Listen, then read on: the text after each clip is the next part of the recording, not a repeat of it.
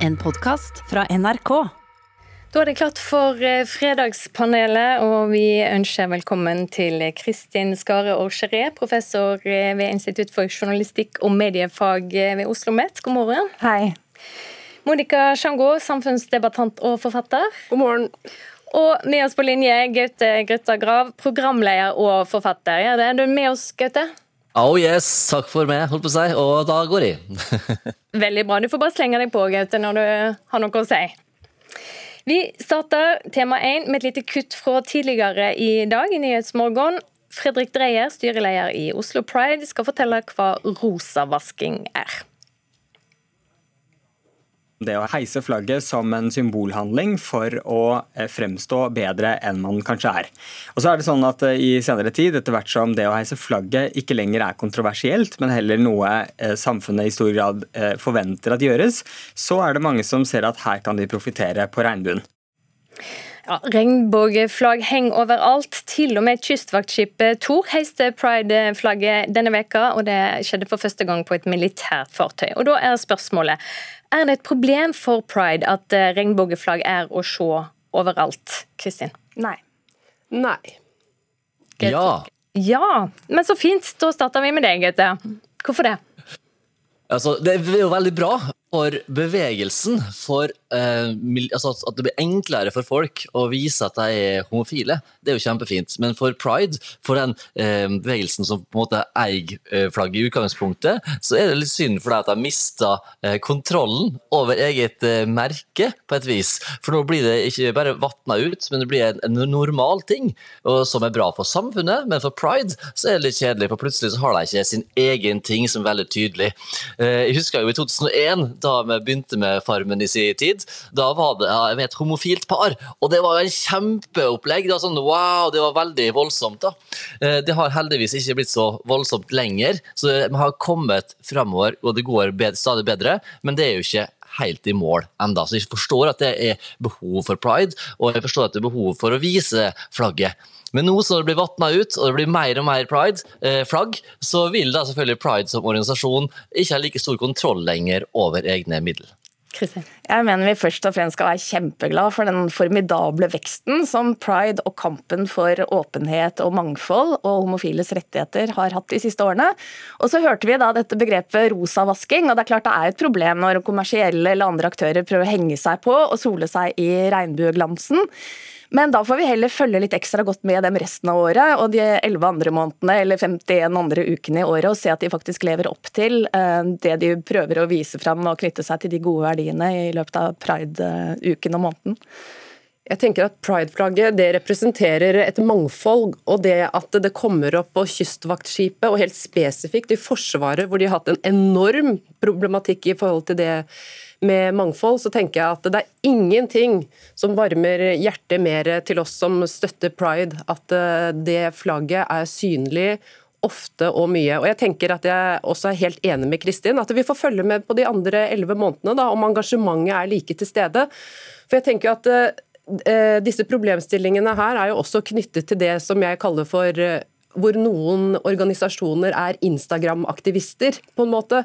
Eh, og de kaster seg på en sak og er veldig enig de to dagene det gjelder, og så hører vi ingenting mer.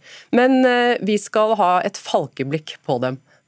Og du, eh, Monica, er opptatt av at situasjonen er ulik i Europa når det gjelder disse tingene? Situasjonen er veldig ulik i, i, Europa. Jeg har også røtter i Ungarn, og der har det akkurat nå dessverre blitt uh, vedtatt en lov som uh, likestiller homofili med pedofili. Det vil si at eh, barn skal ikke eksponeres for det som myndighetene kaller for homofil propaganda. Ergo har Harry Potter blitt satt til å eh, Kan ikke vises på ungarsk TV før etter klokken eh, ti. Eh, og jeg må jo si at eh, måten som eh, den, eh, det segmentet, eller den minoriteten i Ungarn nå blir behandlet, det er kanskje det mest uhyrlige jeg har hørt og sett i Europa. Mm. Vi går videre til neste tema. Skal vi gå til the park? Yes, okay. skal vi do. Now we're going to play with the babies. Yeah. Norske barn bytter ut dialekt med engelsk når de leker, men er det egentlig så ille? Nei. Um, Nei. Gaute? Det er ikke det. Nei? OK, så det er greit, det, da. Jeg tror at eh, barn har en såpass eh, plastisk hjerne. Det betyr det at uh, idet de blir eksponert for flere språk, så klarer de faktisk å håndtere eh, flere språk. Og, og dette her kommer fra en som er vokst opp med to og tre språk eh, hjemme selv, eh, og som dere hører, så har det gått helt fint. Og så vil jeg presisere det at Dialekt er språk. for at Det som sto i den saken, det var at det bytter ut dialekt med engelsk. Men det som skulle stått, er bytter ut norsk språk med engelsk. Eh, jeg tror ikke det er noe problem. Jeg tror også barna kommer til å ha et godt øre for å lære seg nye språk senere i livet. Kristin, du kommer jo fra akademia. Der er det òg en debatt om engelsk og norsk. Er, eh, har vi tapt? Eh, først og fremst må jeg si jeg er veldig for flerspråklighet. og jeg tenker at Det å eksponere barn for språk er kjempefint, og gjerne flere språk enn bare engelsk. Um, om vi har tapt det, uh, der er det en litt annen diskusjon. og det er jo også, Vi ser jo en anglifisering av språket vårt. Ikke bare med ord, men også med syntaks og oppbygning av setninger. Nå har jeg akkurat vært igjennom noen store hauger med sensur på Oslo Met der jeg jobber.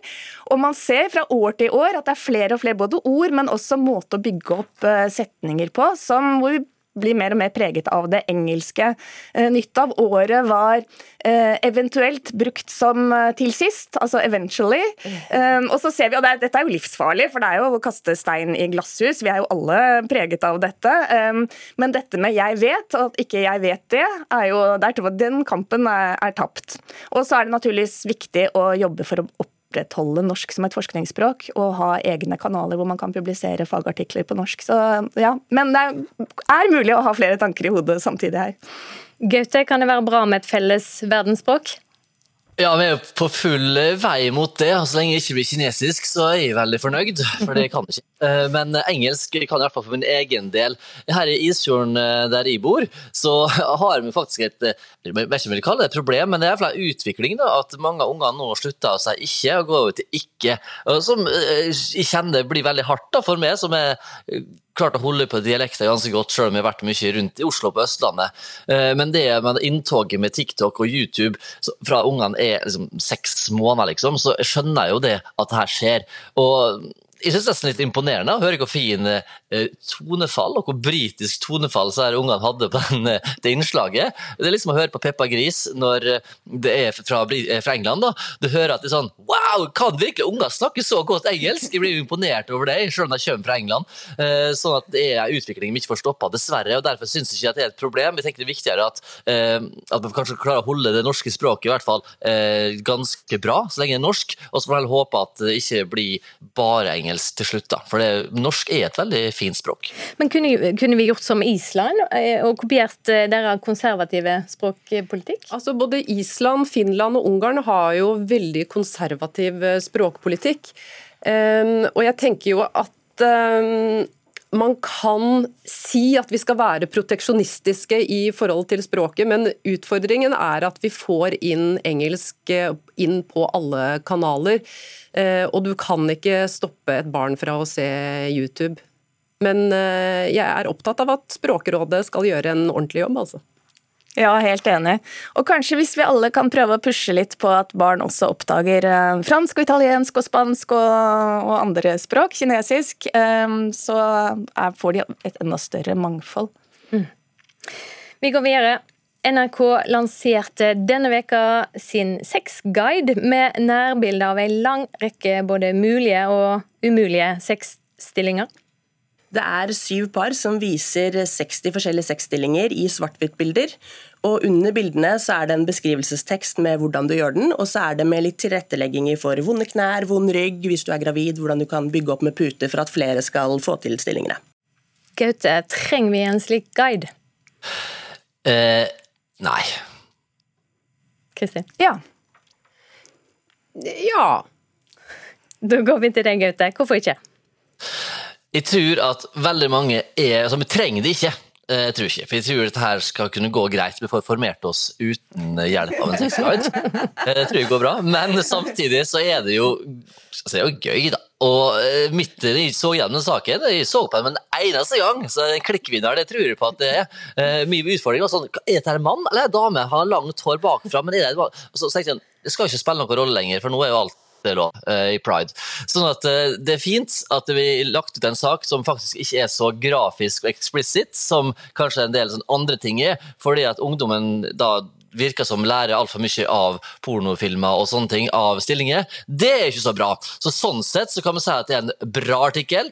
Hvor nødvendig han er, det er jeg ikke helt sikker på, men eh, jeg skal ikke være negativ til det. Monica.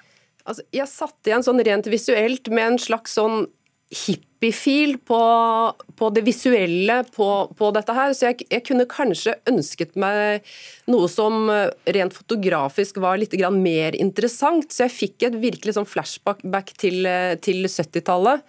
Eh, nå er jo dette her med å, å vise fram sexstillinger, det er overhodet ikke nytt. Altså, de fleste assosierer vel Det finnes jo fantastisk både indisk og japansk kunst, både shunga og Kamasutra er jo svært godt kjent for, for eh, folk. og eh, jeg, jeg, litt, altså jeg, tenker at all right, la, la, oss se det, men gjør det litt grann eh, visuelt rett og slett mer interessant. fordi det har vært, virker som det har vært voldsomt fokus på tone ned at her er det faktisk sexstillinger, og at det er derfor også det er gjort i sort-hvitt og en sånn hippie-look.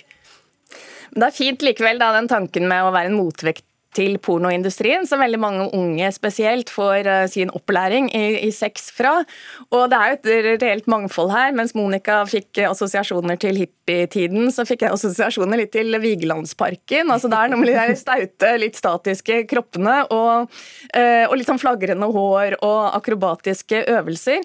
Og så har jeg jo litt lyst til å høre mer fra NRK da, om disse morsomme titlene på stillingene. I hvert fall var flere av de helt nye for meg. Her hadde vi klemmende Onane koala, smygende sei, onani onana. Har dere hatt en sånn liten kreativ ja. Eh, konkurranse her på huset? Labbetuss, rumpekos, frosken og trillebår. Er det gøy, eller er det kleint? Jeg synes det var litt gøy. Eh, men om det hjelper til å være en motvekt til pornoindustrien, det er jeg ikke helt sikker på. Samtidig så er det, altså Samfunnet vårt er oversvømmet av sex, kanskje særlig i populærkulturen og tabloide medier. Men skikkelig god journalistikk om sex er det jo ikke så mye av. Og det lover også NRK skal komme i kjølvannet av, eh, av denne guiden, så det ser jeg fram til. Gaute, vil du si at dette er en del av NRK sitt samfunnsoppdrag? Ja, da, absolutt. Og da har dere På NRK Super så viser dere jo superkroppen, og det er fryktelig mange nakne folk, og mye mer eksplisitt enn dette her. Eh, så Det, det som overraska meg litt, var at det var såpass nedtona når man skulle vise til voksne, mens unger får jo altså hvis du ser på den pubertetsserien på NRK Super, og sånn, så er det jo eh, en, en, dildo som går inn og inn og ut. og Det er ganske mye hardere på et vis. da, Selvfølgelig på en veldig så snill måte og veldig bra måte, men når det skal vises til voksne, da skal man på en måte sensurere alt. Så det var litt overraska over at de voksne tåler mindre enn eh, seksåringene. Over 100 klager til NRK eh, på få dager etter lansering. Hva sier det? Et jeg fatter ikke hvor de klagene har kommet fra. Altså, dette her er eh, så innafor at eh, Jeg kjenner ingen som har sendt inn de klagene der, altså. Nei, og Fint med realistiske kropper og hengemager og, og se liksom vanlige mennesker. I, det syns jeg var positivt med dette, selv om det sikkert kunne vært gjort litt mer spennende fotografisk sett. Men klage, nei.